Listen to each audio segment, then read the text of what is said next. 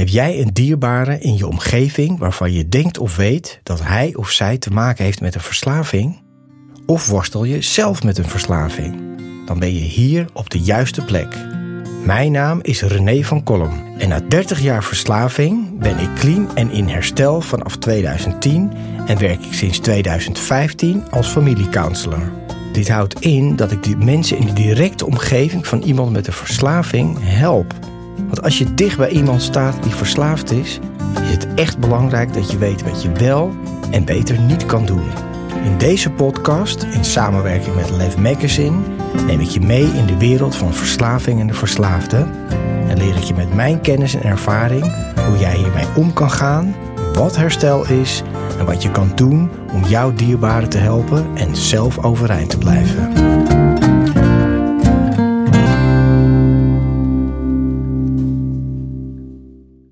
Lieve mensen, welkom bij een nieuwe aflevering van de podcastserie van Verslaving naar Vrijheid. Mijn naam is René van Kolm en vandaag heb ik Karin te gast. Over haar heb ik het, Playmate of the Year in, in Nederland en in Ameri op de Amerikaanse Playboy. Eigenlijk over de hele wereld. Over de hele wereld. En, In toen was 13 je, landen hebben we, heb ik in de Playboy gestaan. en toen was je 19. Ja, was ik 19 jaar. En om er gelijk met de deur in huis te vallen, hoe was dat? Want het, is, het klinkt natuurlijk voor mij als een jongensdroom. dat je, een, hè, maar misschien ook wel een meisjesdroom van, nou, je bent knap, je bent jong en je staat gewoon, ja, de- en ik moet wel zeggen voor de mensen die de Playboy niet kennen, dat was echt wel een braaf blad, hè? Ja, dat is heel Dat- braaf. Het was heel bra- ja, ik bedoel, er stonden wel naakte dames in, maar Ja. dan de meest brave versie die Het je was kan het blad voor de goede interviews, toch? Ja. Bij ons thuis lag ook de Playboy. Of En, ja, de man, ja, de- en, en mijn vader had gewoon abonnementen. Was Ja. ook schaamteloos. was heel normaal. Heel normaal. Ja. En, eh, en inderdaad, ja, ik kijk voor de interviews. Maar het eerste wat ze altijd deden, is dat ding openklappen. Ja. En zo'n centerfold. Ja, ik denk dat sommige mensen niet kennen, maar dan klap je dat blad open en dan klappen er drie pagina's en heb je een grote levensgrote een foto met een nietje Ja. levensgrote naakte dame. Ja. En jij was een van die dames over de hele wereld. Ja. Hoe, hoe, nog even een klein stapje. Hoe kom je in godsnaam daar terecht? Van, Ik was met mijn vader en moeder was ik op het strand. Mijn vader en moeder zijn naar Triest. En ja, ik ging daar automatisch, ging daar mee. ja, En eh, ja, dan zat eigenlijk een hele wereldberoemde fotograaf zat daar. En die liep een soort direct naar mij toe toen ik aan het strand stond. ja, En eh, die vroeg eh, of ik bereid was om een fotoshoot met hem te doen. En toen dacht ik, weer zo'n lul. Want ik had dat best wel vaak gehad, dat ik benaderd werd. ja, Ehm, later toen maar uit dat ik best wel vroeg rijp was. Dus dat ze al dachten dat ik ouder was. ja. En ehm, ja, ik geloofde eigenlijk helemaal niet. En toen had je nog niet die mobieltjes en internet en weet ik wat zoals dat je het nou hebt. Dus heeft wel zijn telefoonnummer opgeschreven. En toen kwam ik thuis en toen zijn wij toch gaan bellen. ja. En ehm, ja, nou ja, dat is toen in zo'n stroomversnelling geraakt. Ik heb toen ergens in een of andere hele foute zaak in Rotterdam in de Kooprijten, dat volgens mij heb ik een misverkiezing gewonnen. Nou, daar zat al het gespuis van de stad zat daar. En ehm, ja, die won ik. En toen is het, ben ik in de, ehm, volgens mij in de actueel gekomen. En ja, toen stond eigenlijk al heel snel, ja, stond Playboy op de stoel. ja. En toen hadden we die fotoshoot hadden we in Nederland hadden we afgerond. En ehm, van de alle landen mocht er één land altijd een publicatie hebben in de Amerikaanse Playboy. En eigenlijk was dat gelijk onze ehm, fotoshoot. De fotoshoot van mijn zus en van mij. En ehm, ja, goed, dat, voordat ik het wist, ik, was, ik denk dat ik nog geen 19 jaar was. Eh, en toen vloog ik naar Amerika. Ik had nog nooit gevlogen. Ik had nog nooit in een duur hotel, of nou voor mij nog nooit in een hotel geslapen. En alles was allemaal groot en luxe en decadent. En zelfs de, film, de, de, de fotosets, alles, weet je, overal waar we mee werkten. Nou, het, het kon gewoon niet op. En ik had echt zoiets van, waar ben ik in terechtgekomen? We hadden een eigen chauffeur. Soms hadden we gewoon een bodyguard. We werden overal, nou ja, gewoon in de tussenvluchten werden we gewoon ook first class naartoe gevlogen. Eh, nou ja, het kon gewoon niet op. Duurste Ja. hotels. Dus ik werd echt wel onwijs in de, in de watten gelegd. Dat was een hele leuke tijd. Ja, dat begrijp ik. Is natuurlijk toch wel, als je een jonge vrouw bent, toch wel een soort ja, droom die toch is een echte Amerikaanse droom. En nogmaals, voor de mensen die, die het ook niet weten, dit is allemaal pre, eh, voor het internet. Je had geen sites die je kon bezoeken. Er bestond geen eens internet. Dus zo, en Amerika, of Playboy was echt gigantisch groot blad. Hè. Was, was echt het blad. Over het de was hele bij ons wereld. zo snel uitverkocht in mijn stad. Het was echt gewoon, nou binnen een paar uur was het helemaal uitverkocht. was geen Playboy meer te vinden. Het was echt. Waar en ik- jij woonde. Ja, Toen, waar ik ja, woonde ja, toen. ja, ja. En ik kan me ook nog herinneren toen, eh, toen ik aankwam in New York. Toen ging ik dan eh, promotie zeg maar, doen voor de Amerikaanse Playboy. Toen Ja. hadden we die shoot en zo allemaal hadden we al lang gehad. We hadden er trouwens heel lang aan gewerkt, omdat het gewoon zo professioneel is. Ja. Dat moest elke keer weer dit over en dat over. Heel de wereld over rondgevlogen ook daarvoor. En toen wa- was het, beken- het gezicht van ons al zo bekend... dat we hoefden niet eens ons paspoort te laten zien. We hoefden alleen maar een handtekening te geven aan de mensen die daar werkten. Sorry. en eh, dan konden we gewoon zo doorlopen, want we werden gewoon overal herkend. Weet je, wij waren echt even zo'n tijdelijke ster? celeb. Ja, echt. ja. En zo voelde ik me ook toen. dat begrijp ik. Maar goed, klein beetje vergelijking. Niet helemaal, want ik was niet naakt, gelukkig, achter mijn drumstel. maar nou ja, ik zat in mijn, in mijn achttiende in Doe Maar.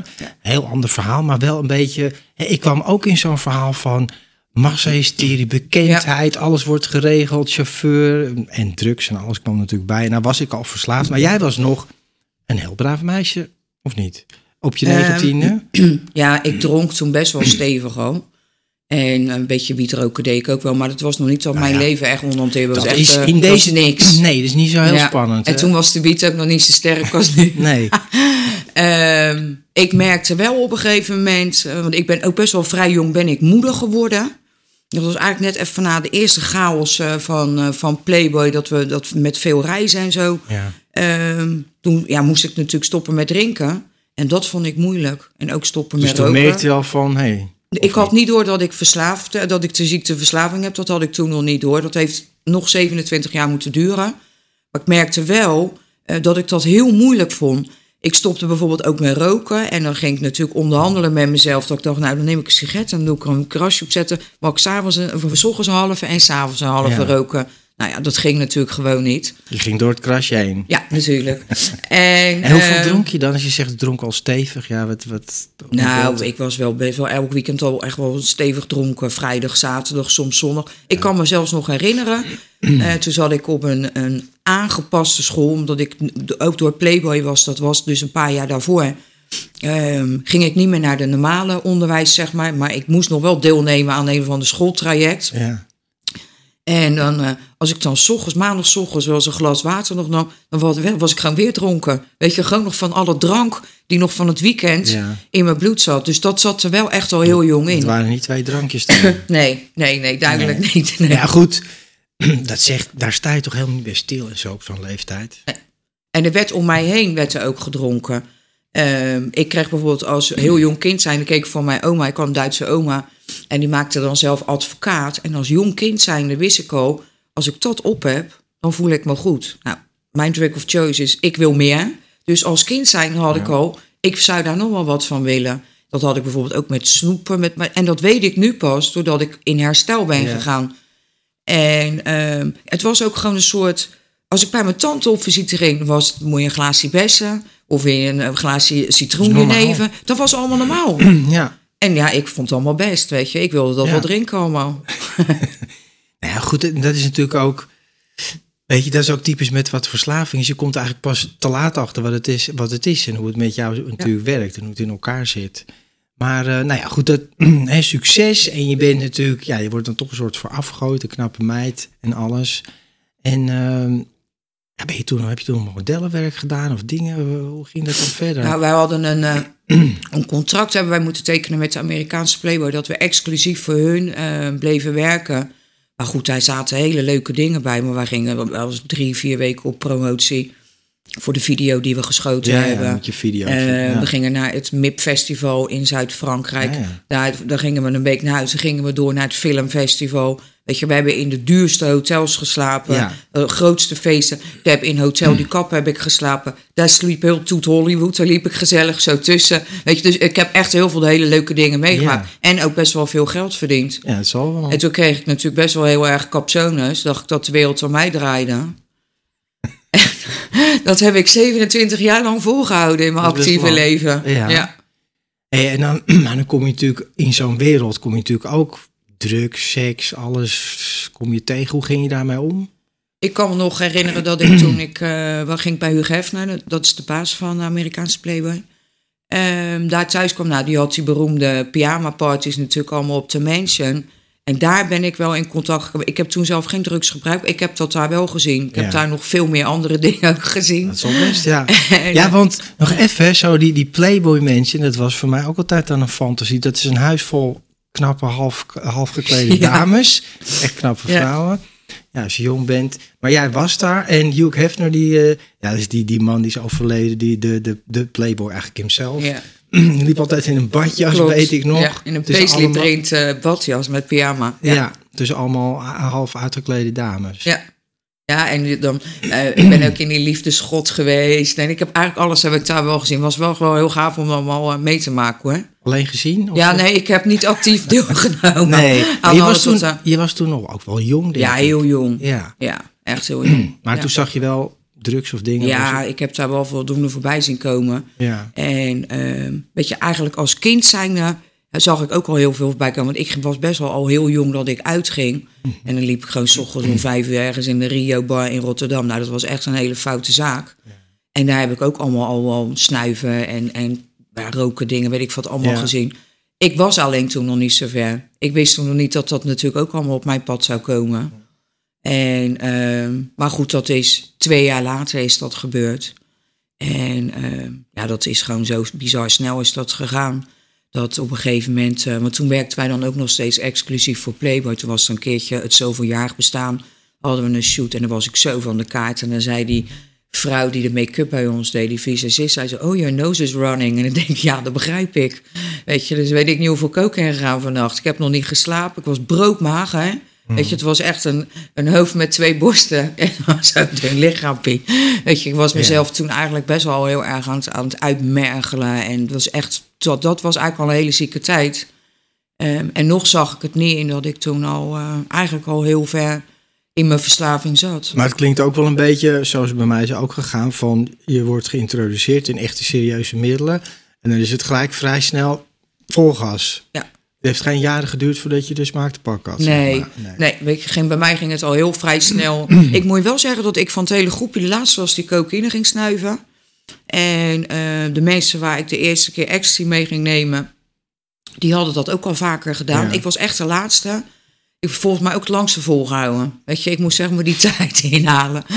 En uh, ik was denk ik 21, hooguit 22 toen ik voor de eerste keer ecstasy ging gebruiken. En ik kan me nog zo goed herinneren. Als kind zijnde heb ik uh, het boek gelezen van Christiane F. Ja. Meisje van Baan of ja, zo. Ja, ja, ja, een heroïne, ja. Ja, en uh, nou, daarna werd een film, kwam op televisie. Want toen had je nog geen Netflix en zo. En ik had gewoon dat ik dacht, dat wil ik ook. Ik wil gewoon ook dat voelen wat zij voelt. Maar, maar, hoe bizar is dat, hè? Dat je eigenlijk een film ziet die totale anti-reclame is tuurlijk. voor druk. Een en al drama, verslaving, ellende. En dat je dan maar dat is ook wel hoe verslaving ja. werkt. Het zegt niet zoveel over ja, maar het zegt wel over hoe verslaving dat je dan denkt, ik wil dat ook. Ja. Ik romantiseerde dat gewoon. Ja, dat, en ik zie mezelf nog in, uh, in Rotterdam in Nighttown staan. Toen had ik nou, een kwartje van een pilletje op. Nou waren dat vroeger wel hele goeie. en, uh, en ik stond daar en daar was ik zo... Ik had in één keer dat ik dacht bij mezelf, nou hoe ik me nou voel... Dit is iets waar ik mijn hele leven nou op zoek ben geweest. Dat ken ik. Ik wil die bevrijding wil ik voelen. Ik wil geen angst hebben.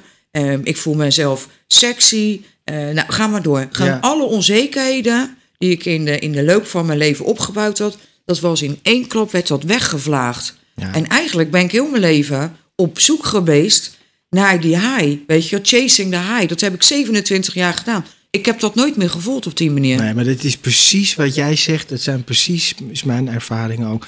Dat gevoel van die, vooral de eerste keren, dat je dat middel en wat het dan doet, dat je in één keer eigenlijk verlost bent. Het klinkt als een spiritueel proces, zeg ik wel eens vaak. Ja. Je bent een soort bevrijd, ja, zeer tijdelijk, van alle moeilijke gevoelens, van alle blokkades, alle remmingen, alle zaken in je hoofd. Het is in één keer weg. Ja. Ja, ik vond het. Uh, ik dacht dat het het wondermiddel was en dat het allemaal niet zo schadelijk was. En uh, ja, het was in het begin alleen op een vrijdagavond. Ja. En toen eigenlijk zo binnen een half jaar werd dat vrijdag en zaterdag, vrijdag, zaterdag, zondag. Weet je, mijn weekenden, die begonnen op donderdag. En die Ja. eindigde op maandag en dan woensdag eh, lekker wat nog een beetje wat bijgebruikt. Want dan breekt de week zeg maar lekker door midden. en toen kwam cocaïne om de bocht. en, voel je dan ehm, niet slecht. Want hé, je hebt dan de, de, de high, maar dan, dat weet je ook van ecstasy en andere dingen. Daarna ben je natuurlijk... Terrible eh, Tuesday. Ja, dan Ja. ben je- word je, ben je leeggetrokken en dan ben je, eh, Ja. voel je een gevulde koek. zeg Ja, dat. Ja. En dan had ik woensdag, want dan was ik weer een beetje opgeknapt. ik dacht, nou ja, weet je, we kunnen wel weer een drankje nemen. Ik had toen nog niet dat, Ja. dat ik die cocaïne gebruikte. Dus dan bleef het vaak alleen maar bij drinken. En, eh, maar goed, toen kwam dus cocaïne. En dat ging zo snel. Weet je, dat de, eerste, keer dat ik, de eerste keer dat ik cocaïne gebruikte, daar ben ik zo wous van. Helemaal geen hartklopping, niks. Gewoon echt zo stoned. Echt gewoon high as fuck, zou ik maar zeggen. En eh, toen dacht ik, nou, dit is gewoon helemaal top. En toen op een gegeven moment, ja, dat is zo, dat is zo snel gegaan. Dat heeft echt mijn leven gesloopt. Ja. En ehm, doordat ik dat best wel veel allemaal ging gebruiken, kon ik natuurlijk niet slapen. Dat is natuurlijk eh, de andere reactie ervan. En eh, toen ben ik naar de huisarts toe gegaan. Heb ik een of ander heel ja, lulverhaal, blaartrekkend verhaal opgehangen dat ik niet kon slapen, dat ik problemen had, dit en dat. Ja, en toen kreeg ik benzo's Ja, voorgeschreven. En dat zijn voor mij, Ja. die hebben echt mij, mij op mijn knieën gekregen. Dat zijn echt eh, de killers voor mij geweest. Ja, het is ook, wat je zegt, zo'n zo'n opstapeling. En het is net een soort, ehm, ja, dat zei Mick in een, in een andere podcast, eh, Seconds from Disaster. Dat was zo'n Discovery of een of andere serie. Dat je ziet van daar is het dan helemaal misgegaan en al die stappen ervoor. Ja. Hè, en dat gaat steeds in een hogere versnelling. Ja. Wat je ook zegt met de cocaïne, dat herken ik ook. Maar dan benzo's ben ik nooit zo voor geweest. Daar word ik alleen maar moe van. Maar eh, nou ja, goed, iedereen heeft zo zijn eigen dingen. Ja. Maar ja, maar en toen werkte je niet meer voor de Playboy en dat soort dingen. Daar Nee. ben je toch goed mee? Nee, toen was, werkte ik ondertussen al bij, voor een, eh, een eh, modezaak. Daar best ook wel een vooraanstaande zaak. Heel Toet Holland kwam daar Ja. gewoon eh, op de kleding kopen. Daar deed ik wel modeshows verlopen en zo. Weet je, ik ben daar toch altijd Ja. nog wel mee bezig geweest.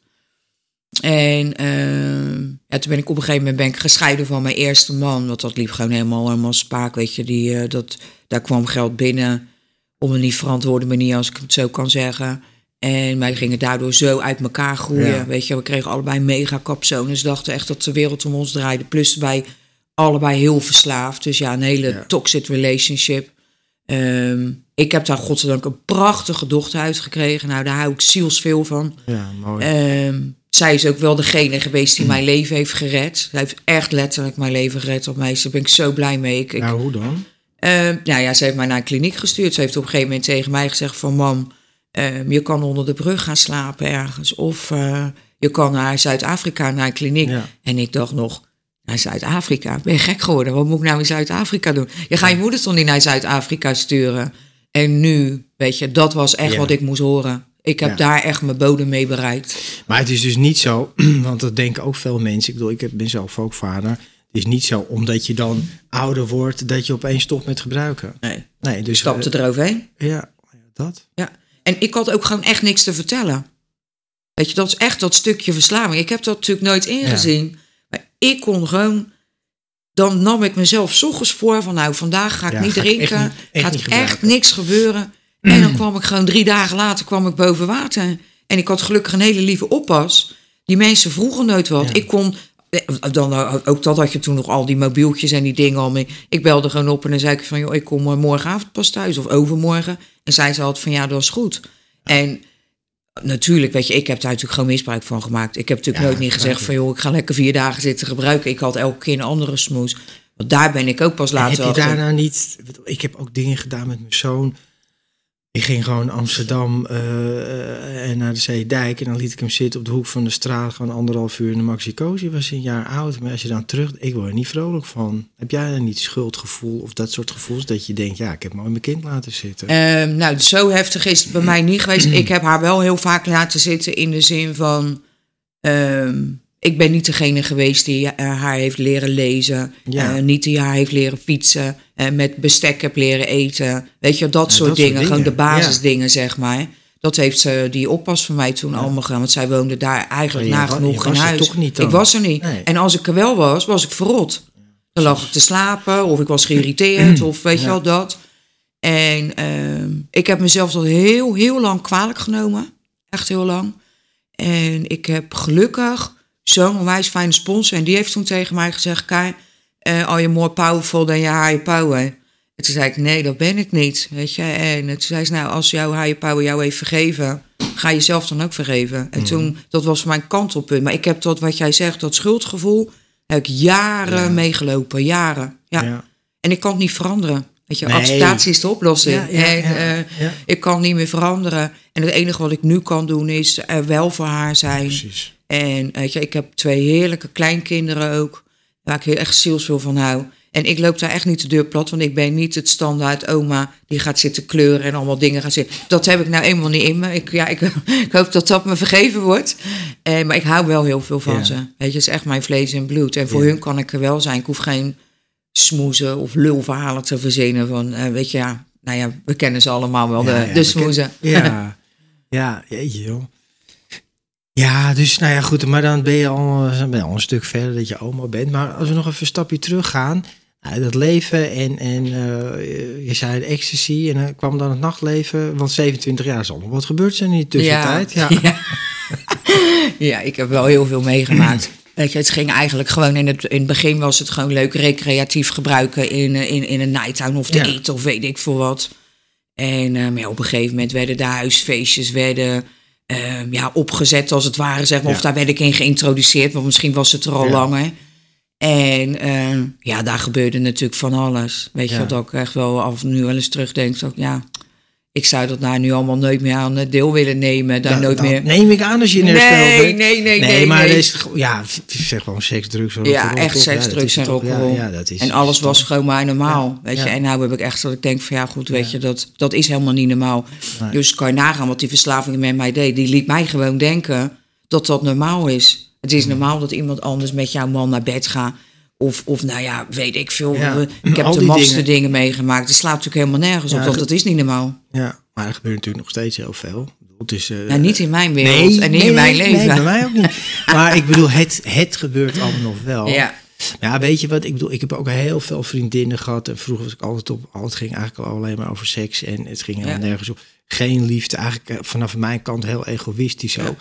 Maar ik weet wel op een gegeven moment, ergens in de jaren dertig of zo, dan, dan had je zo weer een vriendin gehad of weer seks of dingen. Maar dan zat ik ja, wel alleen op de bank zo. Precies. Die eenzaamheid, dat, die, die leegte wordt eigenlijk steeds groter. die leegte die voelde ik vooral altijd als ik zeg maar dan terug naar huis reed. Ja, Of als iedereen bij mij de deur uit was, dan was mijn huis één chaos. En dan zat ik echt zo voor me uitkijken en dan voelde ik me zo leeg en zo gebruikt. En, en weet je, als ik terug ga naar dat gevoel, dat is voor mij al een reden om nooit de eerste meer op te pakken. Dat gevoel wil ik al nooit meer voelen. En, eh, maar goed, daar had ik een, een ander middel voor. En dat waren die benzo's. Ja. En even voor de. Want niet iedereen weet wat Oh. benzo's zijn. Het is geen benzine.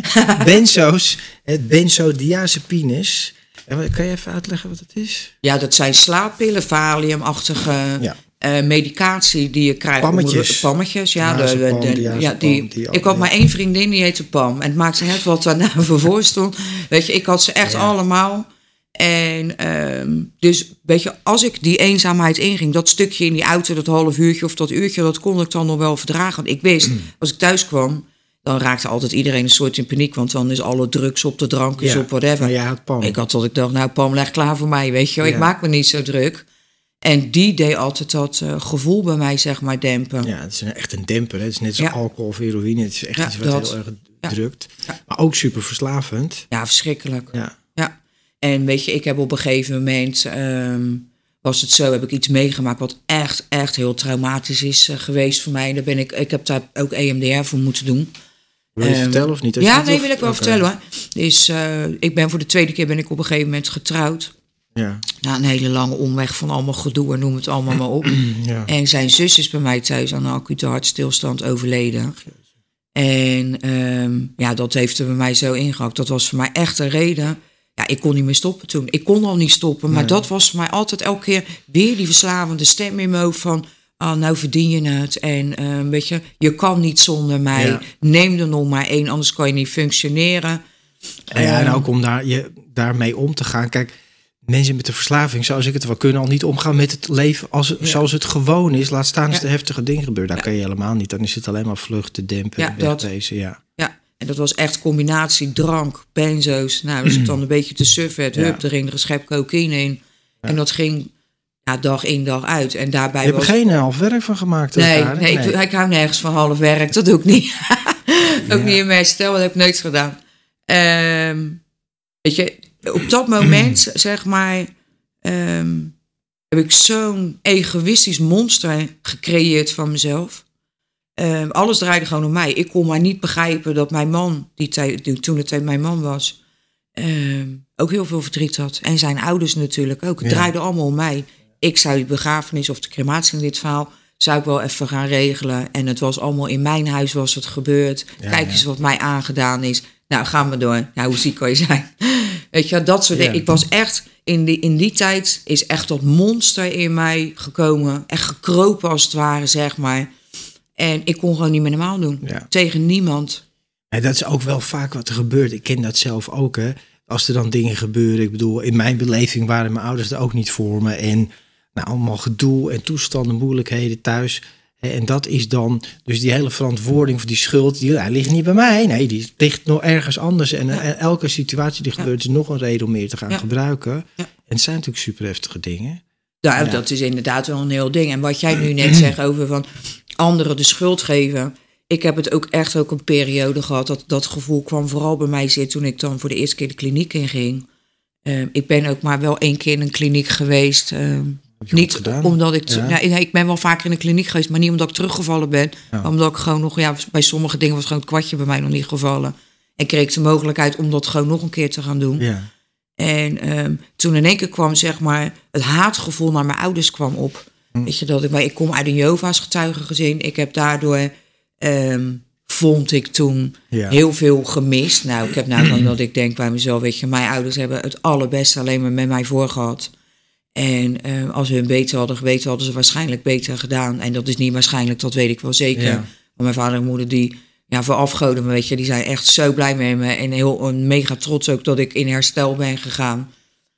Goed, toen had ik dat dus een plek kunnen geven. Maar toen heb ik mijn ouders eigenlijk heel lang verweten dat ze nooit aan mij gezien hebben hoe fucked up ik was. Ja, Hoe kan je dat nou niet zien? Ja. Zie je nou niet dat je dochter helemaal naar de kloten gaat?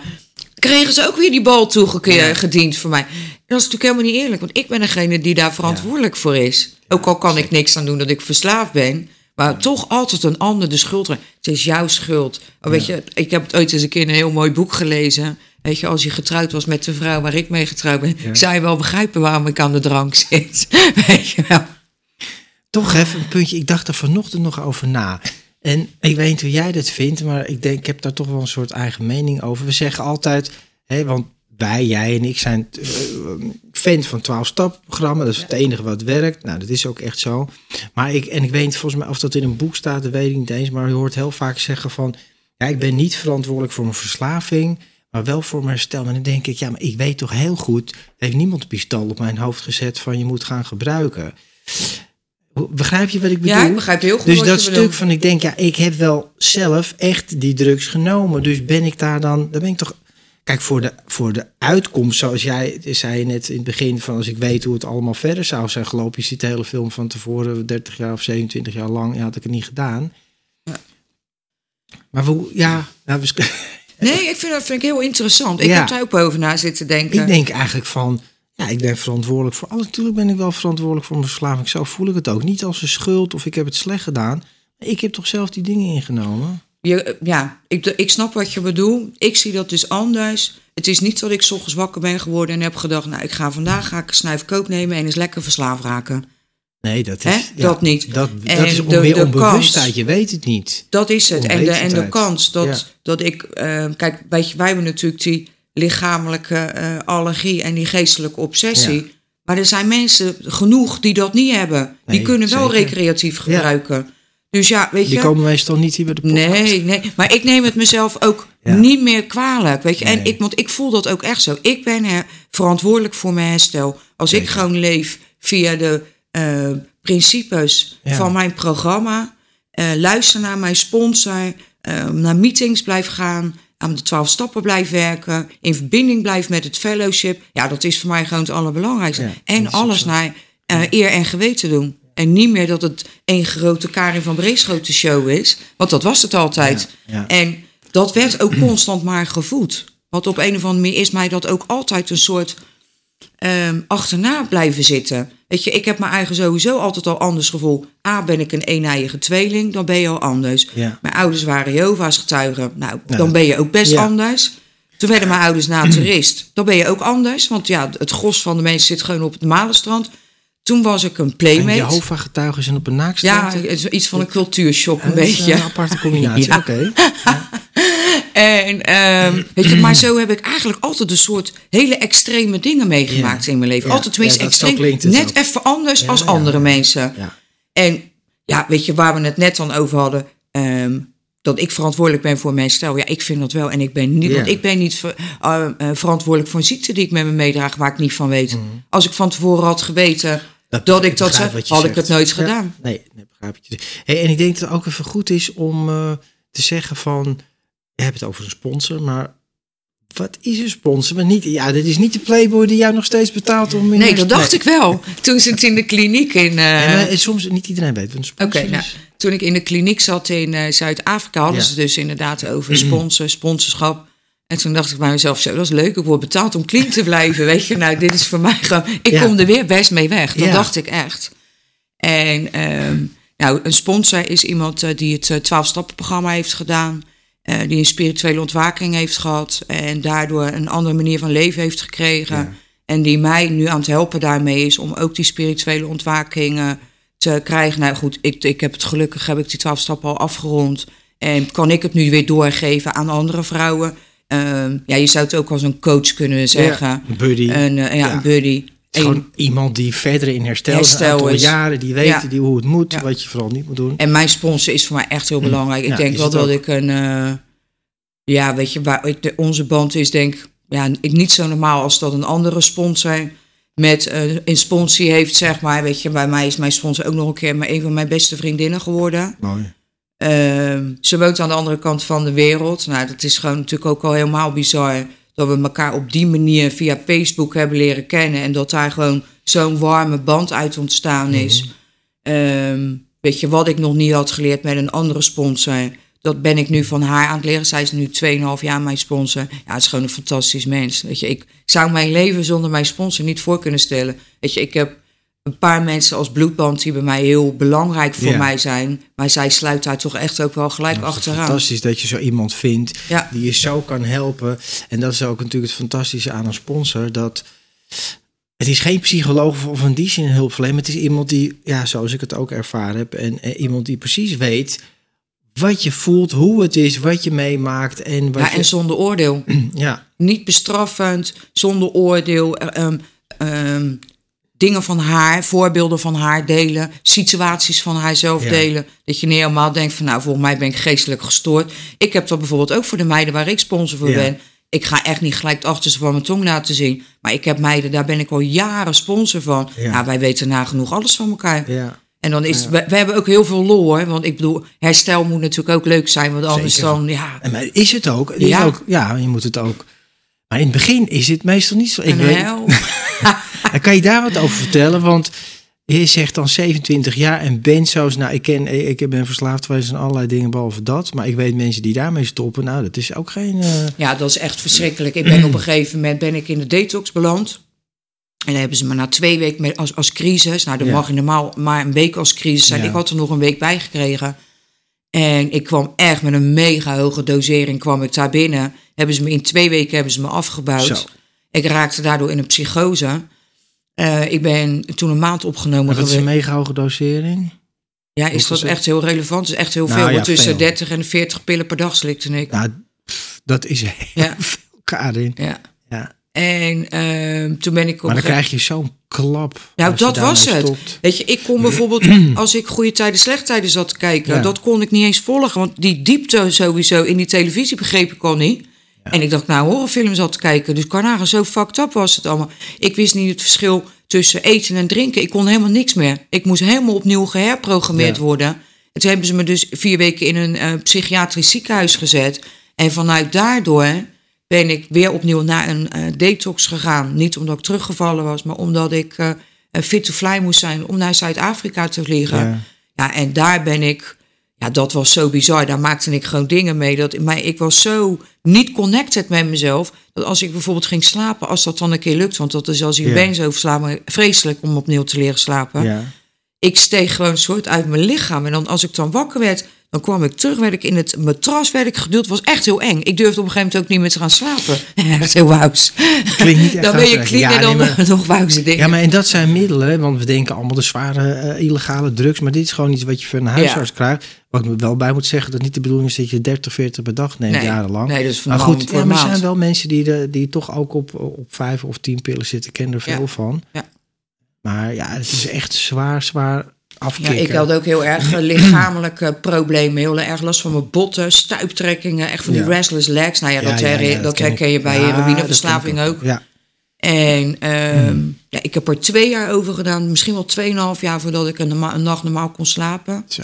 Maar dat je dat vol... Kijk, dat is wat ik vind heel knap, hè. Want dat je hier nou zit en je hebt echt wel een serieuze rollercoaster eh, doorgemaakt. Ja. Maar dat je dat aangaat om 2,5... De meeste mensen geven na een anderhalve maand op. Die zeggen dan fuck it en ik geef mij maar weer zo'n pil. Ja, ik want- kon niet anders. Ik realiseerde me op een gegeven moment. Nou, ik moet eigenlijk zo zeggen. Toen ik naar de kliniek ging in Zuid-Afrika, toen was ik.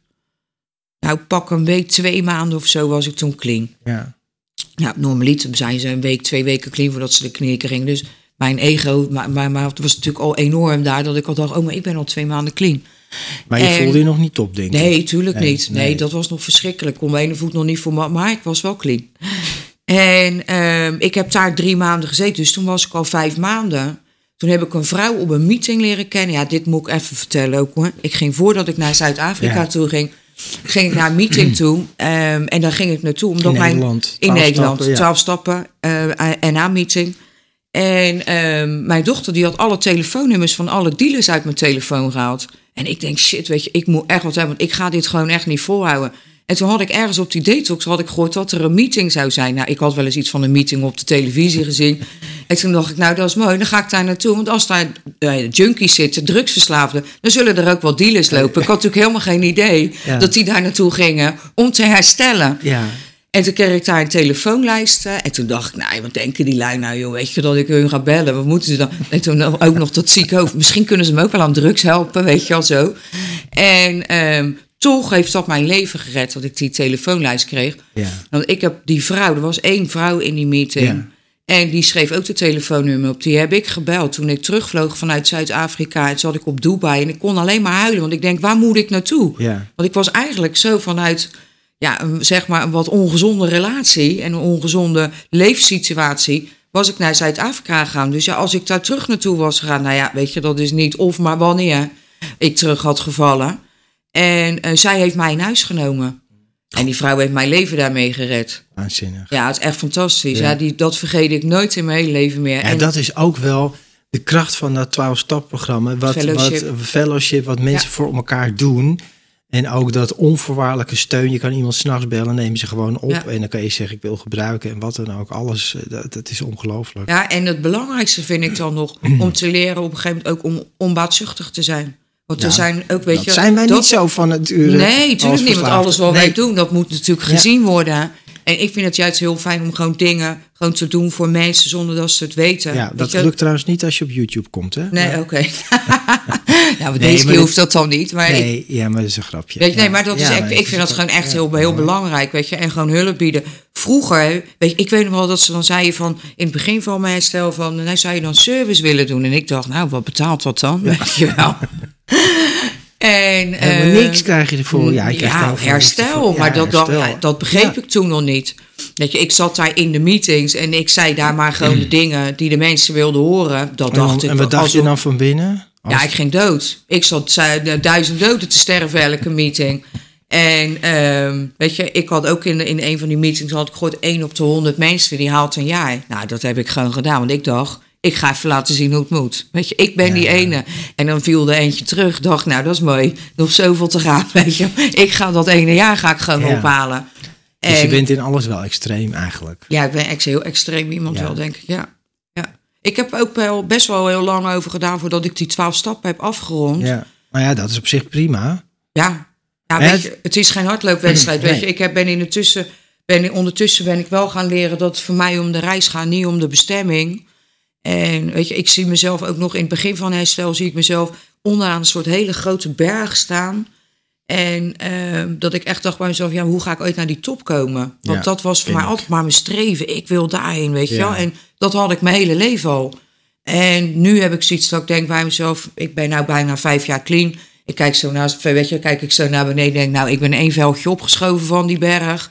En de rest al komt wel. Weet je, ik mag gewoon dingen rustig gaan ontdekken.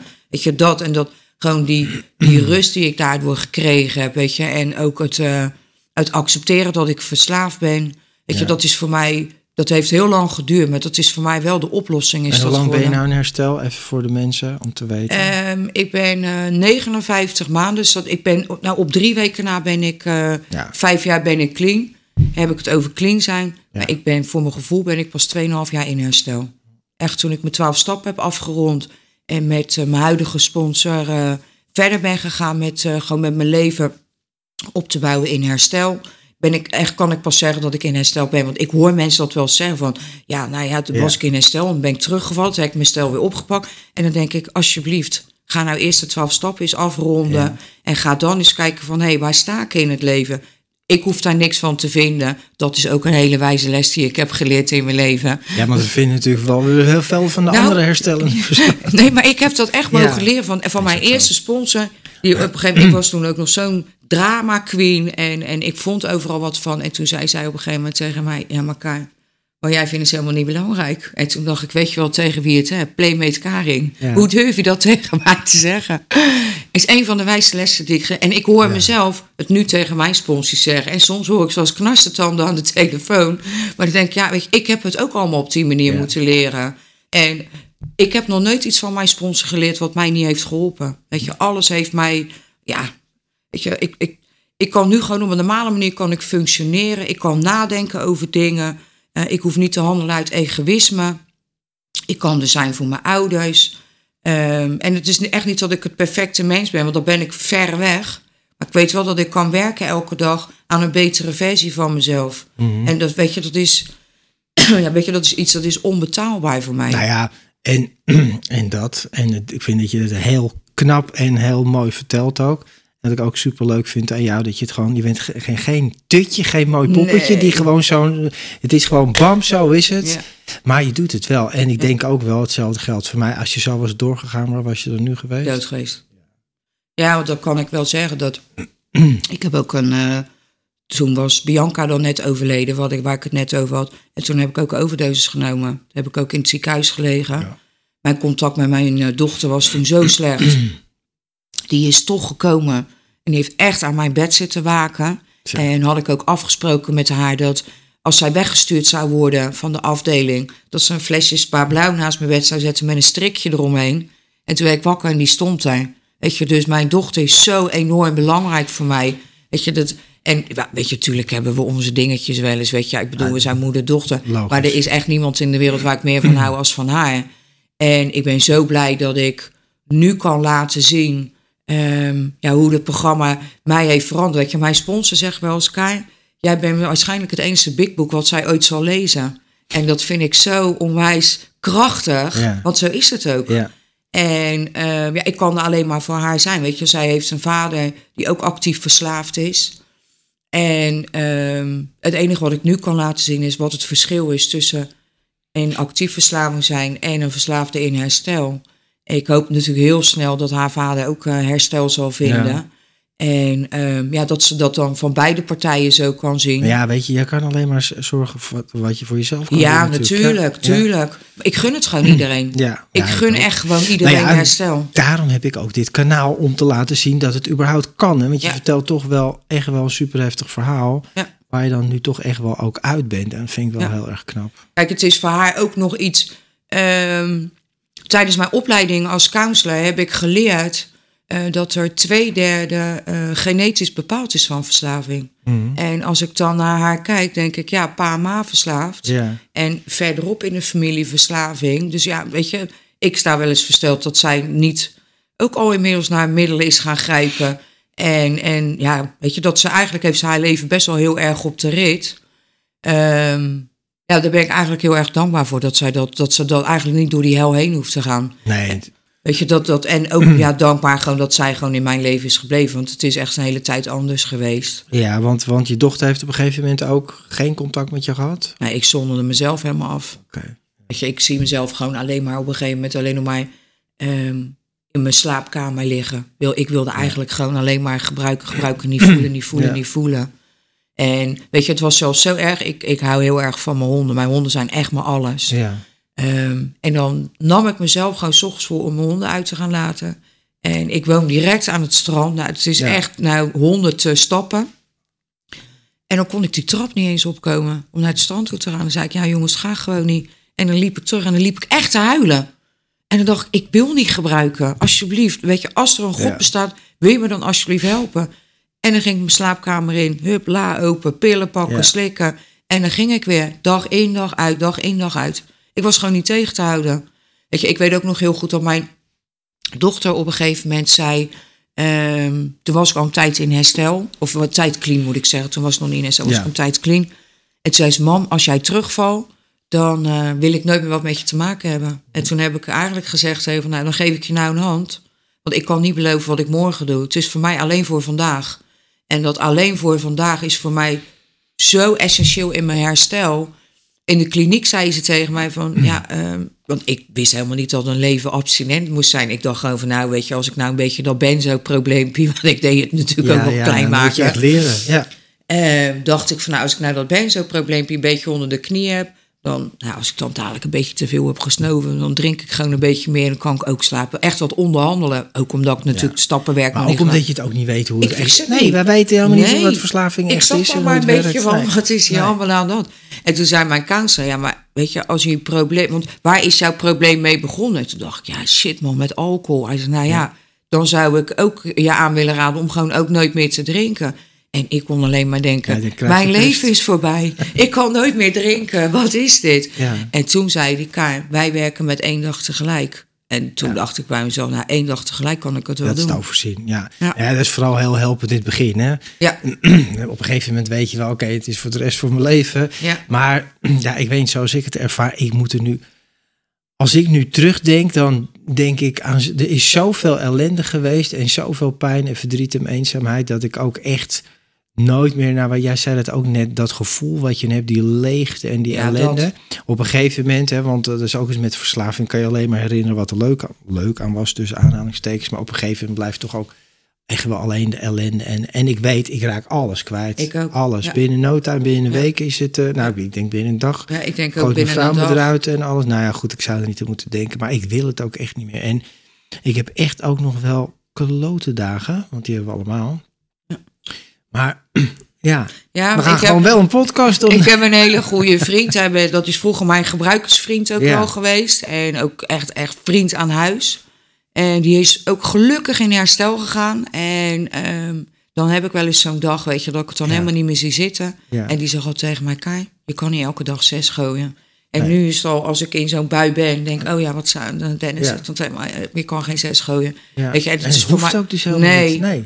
Nee, en ik heb ook nog wel eens gedachten ehm, naar drank of, of naar drugs. Weet je, ik zou echt liegen als ik zou zeggen, daar ben ik nooit meer mee bezig. Ik, ik had met oud en nieuw had ik het ook in één keer dat ik dacht, Mhm. Ja. jezus, ik zou een fles champagne open willen trekken. Het is maar een gedachte. Ja, Hè, en ik, het is een trigger, een gedachte, een verlangen en dan ga je pas oppakken. ja. En nou ja, de trigger was oudejaarsavond. Ja. De gedachte was van, nou, ik zou wel champagne En willen het begint met de ik hoef daar niet Ja. op te anticiperen natuurlijk. Ik heb gewoon tegenovergestelde gedaan. Ik ben meestal uit fellowship gaan bellen. Ik heb op het moment heb ik een, eh, even een roomie bij me zitten. Die heeft hulp nodig. Dus ik heb gezegd, nou kom lekker bij mij. En zij gaat mij dadelijk heel fijn helpen. Want ik ga dan voor een maand naar Amerika. Gaat ze op mijn honden passen. Dus weet je, dat is ook weer heel fijn dat dat ook allemaal binnen het fellowship kan. En wij waren samen. Ik zei, weet je wat we gaan doen? We gaan een klein maskertje zetten. We gaan even wat anders doen. Weet je, maar gewoon Ja. zo eventjes die, die, Ja. toch even die gaten opvullen. Ja, het is... Ja. Ik vind het soms nog wel eens moeilijk. Ja, maar dat is het ook. Ja. nou ja, en wa- wat, wat wel mooi is, wat jij zegt, wat ik jou hoor zeggen, wat ik ook doe, is... Kijk, het is niet... Je kan niet alleen maar zeggen, nou, dit moet je allemaal niet meer doen, maar er komt niks voor in de plaats. Dus je, en, en je moet ook leren, hè, je moet dus iets voor, dat is dan het fellowship, gewoon de, andere dingen doen, gezonde dingen doen. Ja. Maar waar je ook aan moet wennen, dat had ik ook heel erg. En als ik jouw verhaal, verhaal, weet, verhaal hoor, weet ik zeker dat het zo is. Je bent gewend aan die pieken Ja. van... En dan is het gewoon... Ja, een klein maskertje is niet zo eh, heel Tussen mijn derde en mijn vierde jaar heb ik echt alleen maar gedacht: is dit het nou? Ja, nou ja. Ik vond er geen reet Nee, aan. precies, ik denk, als dit nou saai. mijn leven Ja. is, ja, weet je, wat is dan saaier? Gelukkig spoel ik altijd het filmpje gelijk door. Wat gaat er gebeuren als? En ik denk, nou, dat is mij gewoon niet waard. Nee. Ik wil nooit in mijn hele leven meer die blik van mijn dochter in de ogen zien van angst, machteloosheid, verdriet, woede, teleurstelling. Dat wil ik gewoon nooit meer zien. En ze hoeft echt niet alleen maar te denken, oh, mijn moeder helemaal niet. Want ik ben verre weg van perfect. Maar nooit een van die blikken wil ik meer zien. Weet je, dat die machteloosheid van haar, dat vergeet ik nooit meer. Weet je, en ik hoor wel eens bij ons in de meeting, en in het begin moest ik daar nog wel eens, dan kreeg ik bijna braakneiging als ik dat hoorde. Dan hoorde ik iemand een keer delen. ehm, wat drugs en alcohol mij beloofd hebben, dat heeft herstel me gegeven. En ik ben nou bijna vijf jaar clean. En ik kan me echt, ik sluit me daarbij aan. Weet je, dat is voor mij echt waar. Ja. Nou, ik vind het heel mooi om het hiermee af te ronden, ook eh, Karin. Ook wat je zegt, die, die blikken in je ogen van, eh, en dat weet ik dan eh, niet zozeer van mijn zoon, maar wel van mijn vrouw en mijn moeder. Ja, dit is verschrikkelijk. Ja. En dat neem je wel mee, ook ik bedoel, ik ben 12,5 jaar verder, maar dat neem je gewoon wel mee en dat wil je nooit meer. Nee. Maar ook mezelf, als ik mezelf in de spiegel zag, ook dat gezicht, oh, ik kon mezelf niet in de spiegel aankijken, verschrikkelijk. Ja, heb ik ook ervaren inderdaad. Echt gewoon die, Ja. die haat naar mezelf. Ik wilde mezelf ook echt gewoon kapot maken. Ja, ik hield dat- niet van dat mezelf. Want waarom zou ik het anders doen? Nee, maar het is, het is zo destructief. Ik heb dat echt allemaal, ja, toch ook wel van mijn sponsor mogen leren. Om gewoon op een andere manier naar mezelf te kijken. Ja, En- het is jammer dat we bij de 12 stappen niet ook een centerfold hebben dan aangekleed. Playmate of the Year, Karing in herstel. Ja. Met kleren aan. Nou, breng Nou, maar ik vind het wel, je, weet je, je, je zegt het zo fantastisch. En eh, eh, oprecht herstel, gewoon recht door zee, geen geouwe hoer. En zo is het. En dat vind ik wel heel mooi. Dus ik wil je danken, Karing, voor Dank dit je gesprek. Dank je wel. Ja. Echt super dat je hier bent geweest. Hey, en lieve mensen, dank jullie wel voor het kijken en luisteren naar deze aflevering. Deel het met elkaar, deel het met anderen als je dit herkent. En abonneer je op deze podcast op YouTube of Spotify en deel het met anderen. Dankjewel voor het kijken en tot de volgende keer. Bedankt voor het luisteren naar deze aflevering van Verslaving naar Vrijheid. Wil je mij een vraag stellen of heb je mijn hulp nodig? Neem dan contact met me op via mijn website renévancolum.nl.